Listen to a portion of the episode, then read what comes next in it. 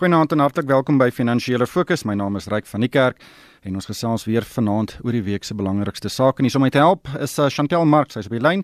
Sy is die hoof van aandele navorsing by FNB Wealth and Investments. Goeienaand Chantel. Naand Ryk. En Dawie Rood, ekonom by die Efficient Groep. Uh, Dawie, goeienaand. Goeienaand aan jou Ryk. Hallo Chantel. Wel dit was uh, eintlik 'n ongelooflike nuusweek, uh, eintlik baie breër as op, as op die sakefront. Maar uh, Dawie, ek wil begin met die resessie. Ons het Dinsdag uh, die BBP syfer gesien vir die ja. vir die tweede um, kwartaal en dit was vir baie mense 'n baie groot verrassing. Amptelik het ons nou um, 0,7% gekrimp in die tweede kwartaal. Die eerste kwartaal het ons nou met 2,6% gekrimp uh, wat hoër was as vir die aanvanklike aanvanklike ehm um, syfer was uh en, en, en ek dink die groot vraag is hoekom is almal so verras dat dit so sleg gegaan het met die ekonomie die die syfer die die voorspellings wat ek gesien het by ander ekonome was uh relatiewe weet ten minste positiewe verwagtinge ja. en hier slaan ons om met 'n minus 2,6 in die eerste kwartaal minus 0,7 in die tweede wat het daar skeef geloop Ja, ek het bevrees ek het hierdie nog misgehad. Ek het ek het verwag die ekonomie sou groei het met so net om 1% of so. Na kom die ekonomie uit krimp toe in met 0.7%. Ek dink die, die grootste verrassing is die feit en miskien moet mense mes net so vinnig verdink hoe word ekonomiese groei bereken. Ekonomiese groei word bereken van een periode en dan vergelyk dit mense met die vorige periode. In hierdie geval het ons die tweede kwartaal vergelyk met die eerste kwartaal. En uh, wat wat wat dan gebeur is dat is dat omdat dit persentasieveranderings van hierdie periode tot die vorige periode, dan is dit so dat as jou eerste periode baie laag is en wat nou gebeur het, die eerste kwartaal het 'n inkrimping getoon van 2,6%. So omdat die eerste kwartaal so wat so so so kwai ingekrimp het, verwag mense nou nogal dat bloot omdat die basis so laag is, dat die tweede kwartaal so 'n bietjie beter gaan doen. En en wat toe nou gebeur het, is dat die eerste kwartaal was baie swak en die tweede kwartaal was selfs nog swakker geweest en dit het werklik waar eintlik wat was eintlik die groot verrassing geweest die geweldige verstadiging in ekonomiese aktiwiteite in die tweede kwartaal. En dit is meer om tegniese redes as enigiets anders dan. Maar ons het hierdie bal heeltemal misgeslaan en dit is veral natuurlik landbou wat die groot negatiewe bydrae gelewer het tot ekonomiese groei. Maar die blote feit dat die eerste kwartaal al reeds so verskriklike swak kwartaal was uh, hy was eintlik uh, was eintlik die rede vir die verrassing gewees dat die tweede kwartaal selfs nog swakker presteer het Ja. Chantel, ehm um, Kobus Wester in die in kommentaar het gesê hy uit 'n uh, 'n boodskap van Dawie Klopper van PSG gekry wat gesê het ons het 'n uh, moet 'n ekonomiese noodtoestand ehm um, afkondig. En en ek dink almal ons is daar, maar wat was jou gedagtes en en as mens nou uh sê nou analogie gebruik dat uh, ons ekon ekonomie is in die hospitaal, waar is ons? Ons is is ons in die hoë sorg afdeling, ons is in noodgevalle. Uh is kan ons in die in die in die nabye toekoms miskien 'n verbetering sien? Ja, kyk, ek dink op hierdie stadium is vertroue die die grootste probleem en ek dink um, om dit reg te kry, kort mens regtig hierdie strukturele veranderinge wat wat ons baie van praat. Ehm um, jy kort eintlik bietjie meer sekerheid in terme van jou regulatoriese omgewing en dan moet huishoudings ook voel dat dit 'n tyd is vir hulle, 'n goeie tyd vir hulle is om te begin bestee. Want soos wat Dobby ehm um, genoem het, landbou het 'n groot deel hier ingedra, maar ook die huishoudelike sektor ehm um, sien ja. spesifiek glad nie goed nie. Ehm um, en hmm. omdat ons ook nogal uh, stukke aan die fiskale kant, want ons het nogal ongelooflik baie skuld op die oomblik, ons het die krediet ehm um, graderingsagentskappe op ons voor, um, is dit baie moeilik vir die staat om ook meer meer uit te gee. So ons kort die private sektor um, om goed genoeg te voel om weer te belê in hierdie ekonomie. So in terme van jou analogie omtrent ehm um, hoë sorg, ek dink ons is ons is definitief in die hoë sorg eenheid, maar daar is medisyne wat ons kan vat om om beter te word. Ons is nie in 'n permanente koma nie. Hmm. Dawie, wat is daai medisyne? Kan ek by ja, kan ek byvoeg by Chantal? Ek hoor wat sy sê, sy is vertel vir my verskriklik optimisties oor die toekoms van hierdie land. Ek het geluister na die president hierdie week en ek parafraseer, maar basies het hy gesê is dat ons is ons is nou ons is nie eintlik in 'n resessie nie, hierdie is net 'n tegniese resessie.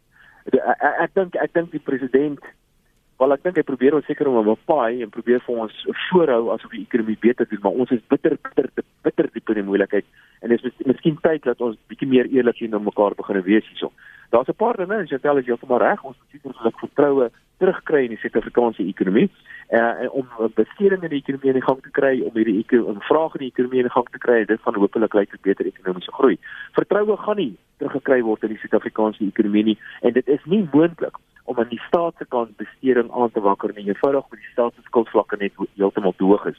Inteendeel, die enigste manier hoe om mens werklik waar hierdie ekonomie uit hoë sorg kan kry, is vir die staat om minder geld uit te gee.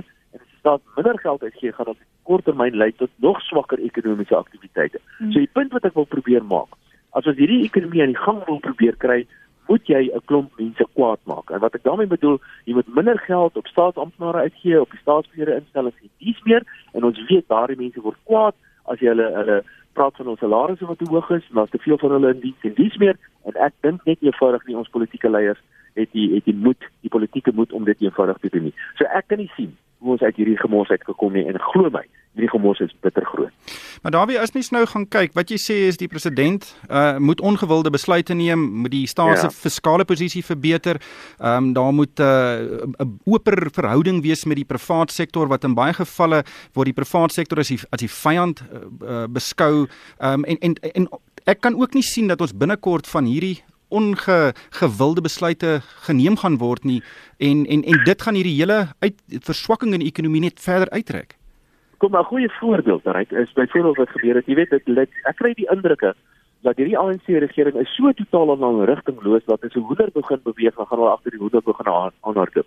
Nou 'n goeie voorbeeld het ook nou die laaste 2 weke gebeur toe die minister van energie sake besluit het om nie die petrolprys te verhoog nie. Nou wat hy gedoen het, hy het net eenvoudig op bestaande reserve ingeteer ten einde nie die petrolprys te verhoog nie. Nou dis 'n klomp dinge wat gebeur met hierdie besluit. Een besluit wat hy geneem het is dat of die die, die ooreenkoms wat daar is in die land is dat ons 'n spesifieke formule in terme waarvan die petrolprys aangepas word. Nou dis baie duidelik dat die politici besig is om om hulle hulle self tot so 'n mate in 'n in 'n hoek geverf dat hulle na ander uitkomste op die kort termyn probeer soek en een daarvan is kom ons begin spekuleer en ons hoop dat die rand begin verbeter of ons hoop dat die internasionale olieprys daal en nou gebruik ons die bestaande reserve om te keer dat die petrolprys verder styg en die gevolg daarvan is nou is dat niemand weet wat volgende met die petrolprys gaan gebeur nie. So dit is dis 'n uitstekende voorbeeld van politici wat baie duidelik heeltemal rigtingloos is. Hulle weet nie wat hulle eintlik wil doen nie en hulle begin paniekerig op te tree. En die onlangse besluit op die petrolprys is 'n uitstekende voorbeeld daarvan. Ja. Ehm um, Chantel populisme voor 'n verkiesing, dit sal sal nou nie die eerste keer in die wêreld wees dat dit gebeur nie, maar ehm um, weer eens, ek dink dit is uh dink jy die probleme binne die ANC uh is die grondliggende rede vir hierdie tipe van besluite op die oomblik. Ehm um, hoekom dink jy kan die president nie net kom en een of twee uh dinge doen wat net weer daai vertroue kan herstel nie want hy kan dit baie vinnig doen indien hy byvoorbeeld uh aankondig dat die staatsdiens ver, met verklein moet word en en dat daar nou weet duidelikheid met kom in die beleidsonsekerheids uh, aspekte soos grondhervorming en en en en die bemagtigings um uh, aanves in die mynbousektor. Ja, kyk, ek dink dit het baie te doen met um president Ramaphosa se magbasis. So hy gaan moet baie baie goed doen of die ANC gaan baie goed moet doen um, in die volgende verkiesing uh, vroeg volgende jaar as as hy wil die besluite kan neem wat hy wil neem. Um, op hierdie stadium is daar is daar hierdie um, sogenaamde kingmakers in die ANC wat hy moet gelukkig hou um, sodat hy in sodat hy in bewind kan bly sodat hy aan hoof van die organisasie kan bly um, en tot hy nie sy mag gekonsolideer het in die ANC nie um, en hoe hy dit gaan doen is om meer stemme vir die ANC in te bring gaan hy nie regtig iets meer iets meer kan doen om strukturele verandering in hierdie onpopulêre besluite um, te neem of die die slegste medisyne vir die ekonomie te moet gee sodat hy weer aan die groei kom nie Um, en ek dink dit is dis hoekom jy hierdie tipe van populistiese besluite sien en die petrolpryse is 'n uitstekende voorbeeld um, wat Dawie genoem het. Um, dit is baie kort termyn. Dit is uh, die dit dit dit is amper asof hulle nie verder dink nie want as hierdie rand en hierdie oliepryse teen hulle beweeg kan dit bitter vinnig hand uitdruk. Ehm um, daar's eintlik voorbeelde van dit in die geskiedenis. Ehm um, ek het nou die dag 'n artikel gelees. Ehm um, blykbaar het dit in 1907 ehm um, in 1979 gebeur. Ehm um, die nasionale party het nie ehm um, ja. petrolpryse gelig nie en oornag met die petrolprys met byna 70% oor opgaan. So hmm. dis 'n dit is 'n dis nogal 'n gevaarlike speletjie om te speel, maar definitief populêr en ek dink ons gaan aanhou om hierdie tipe van ehm um, populêre besluite of populistiese besluite te sien ehm um, tot vroeg volgende jaar of tot ons klaar is met die verkiesing. Ehm um, en dit is dit is sleg vir ekonomiese groei en dit is sleg vir vertroue en as daar onsekerheid in die stelsel is, dan is daar nie daar is net nie belegging nie. Davie, ek wil net weer terugkom na die na die resessie ja. toe. Ehm um, ons het nou die begin van die jaar was almal nou baie opgewonde oor Cyril Ramaphosa se uh, weet verkiesing tot uh, die ANC en die land se presidentskap. Uh hoe lank vat dit vir 'n ekonomie om sy kop op te lig op die rug van verhoogde vertroue. Kan mens hierdie die resessie wat ons nou gesien het, ja. hoeveel kan mens daaraan toeskryf um uh aan aan uh wat gebeur het voor uh weet president uh, Ramaphosa nou uh weet verkies is? Ja. Oh, wel 'n paar dinge hier so. Like, ek dink die eerste ding is is dat uh, miskien moet mense net 'n opmerking maak oor wat se nou is 'n resessie. En 'n uh, resessie is nie negatiewe ekonomiese groei of inkrimping van die ekonomie nie. 'n Resessie is 'n is 'n omgewing van swakker ekonomiese prestasie. Dis 'n resessie. Uh en daar's mense kan dit seker 'n bietjie verder verfyn, maar wat ek nogal van hou om te sê is mense armer word dan is jy in 'n resessie en as dit jou definisie is vir 'n resessie dan ons eintlik die afgelope 5 jaar eintlik al reeds in 'n resessie. Hoe gaan ek die ding regstel? En sekerlik is vertroue 'n baie belangrike ding en ek het nou gehoor wat sê Chantal en ek hoor ook baie ander ander argumente en een van die argumente is is dat moenie bekommerd wees nie, ons wag vir die verkiesing en sodra die president se magsbasis uh, weer stewiger gemaak het, dan gaan hy die regte tipe van besluite neem. As daar is dit jou jou argument is dat ons vir die president vir die verkiesing wag vir die president om sy magsbasis te verstewig, dan moet jy eintlik sê dat die president eintlik lieg want hy is op hierdie stadium besig om sekere populistiese tipe van goeders te doen en en en as hy sekere populistiese goeders doen dan gaan hy nou ophou om dit te doen na die verkiesing dis eintlik wat mense sê en dan beteken dit eintlik noodwendig dat die president die die ANC voor die land se uh, belange stel. Ehm um, so daai daai die, die, die, argument dat ons wag vir die verkiesing dit, dit, dit, dit dra net eenvoudig nie water nie. Hoe lank gaan dit vat as ons die regte tipe van goeders doen? Ek is bevrees dis nie net 'n geval van van vertroue wat herstel moet word. En selfs al doen jy die regte goeders natuurlik gaan dit baie help. Daar's 'n paadjie wat jy moet loop om sekere finansiële skade wat aangerig is eh, te reg te stel. Eskom is 'n stekende voorbeeld. Eskom uh, skuld bykans 400 miljard rand. Nou dit gaan nie net deur vertroue regkry nie. Jy gaan dit regkry deur die geld terug te betaal. Dis hoe jy dit gaan regkry. En 'n klomp ander voorbeelde ook. En om daai tipe van skade reg te stel, is ek bevrees gaan vir ons jare vat. En dit gaan nie net 1 of 2 jaar vat nie. Dit gaan baie jare vat om hierdie tipe van skade reg te stel. Maar maar vir vertroue is sekerlik 'n baie goeie beginpunt en uh, as ons kan vertroue terugkry, kapitaal begin terugvloei in Suid-Afrika, dan kan ons moontlik uh, binne 2, 3 jaar of so 'n redelike skaplike ekonomiese groei van so 2 of 3% sien. Maar vir nou, moet ons onsself gelukkig ag as ons 1% per jaar sien vir die volgende klompie jare. Hmm. Ehm um, kom ons uh, gesels 'n bietjie oor Marcus Jooste Chantel. Ehm um, hy het nou hierdie week in die parlement verskyn voor verskyn voor 'n paar ehm um, komitees daar uit lanksomme daar omtrent 4 senior regs uh, lui gesit. Ehm um, hy's natuurlik gedagvaar om daar te kom getuig. En hy het gesê hy uh, het nie geweet van enige ongeruimthede nie volgens hom was die boeke 100% en hy wys die vinger na Deloitte studie ouditeur wat hierdie state wou afteken nie en ook die die ehm um, Dr Andreas Seifert van die Duitse groep Seifert met wie staan of uh, eens op 'n tyd saam in die bed was en nou stry hulle in die hof in in uh, Uh, Marcus Jooste het gesê dat Andreas Seifert het nou inligting gelek aan die Duitse owerhede wat nou gedoen is net om daardie hofsaak te beïnvloed. Uh, wat was jou indrukke van van wat hy gesê het in die parlement? Ja, kyk, ons het voor die, ek het voor die week ook hieroor gepraat. Um dit hy het ongelooflik goed voorberei daaraan gekom. Um ek dink sy span het hom um het het seker gemaak dat hy so kredietwaardig as moontlik um kan voorkom en um sy storie maak amper sin. So um in, daai opsig dink ek dat dit eintlik redelik goed vir hom verloop het. Natuurlik het hulle ook voor die tyd um, baie duidelik gemaak wat vir hom gevra kan word en hoe hulle hom mag ondervra. So ehm um, die komitee se se hande was eintlik bietjie afgekap in terme ja. van ehm um, die kruis ondervraging se om om bietjie inligting uit dit te kry en om verder in in te in te ehm um, so verder duidelikheid te kry oor die beweringe wat Marcus Jooste gemaak het, uh, was bitter moeilik. So hy was nog nie onder kruisverhoor gewees oor oor dit nie. Mm. Ehm um, maar sekerlik, ek meen baie goed baie goed voorberei en en ja, ek meen dit is nou weer heeltemal 'n ander storie. Mm. Da Dawie? Ja, ek het al dit heeltemal reg gestem, heeltemal saam, maar dit is nou nogal wat interessant is. Is dat mense begin so half sien wat sy sy hoek van verdediging gaan wees indien dit uiteindelik in die hof opeindig.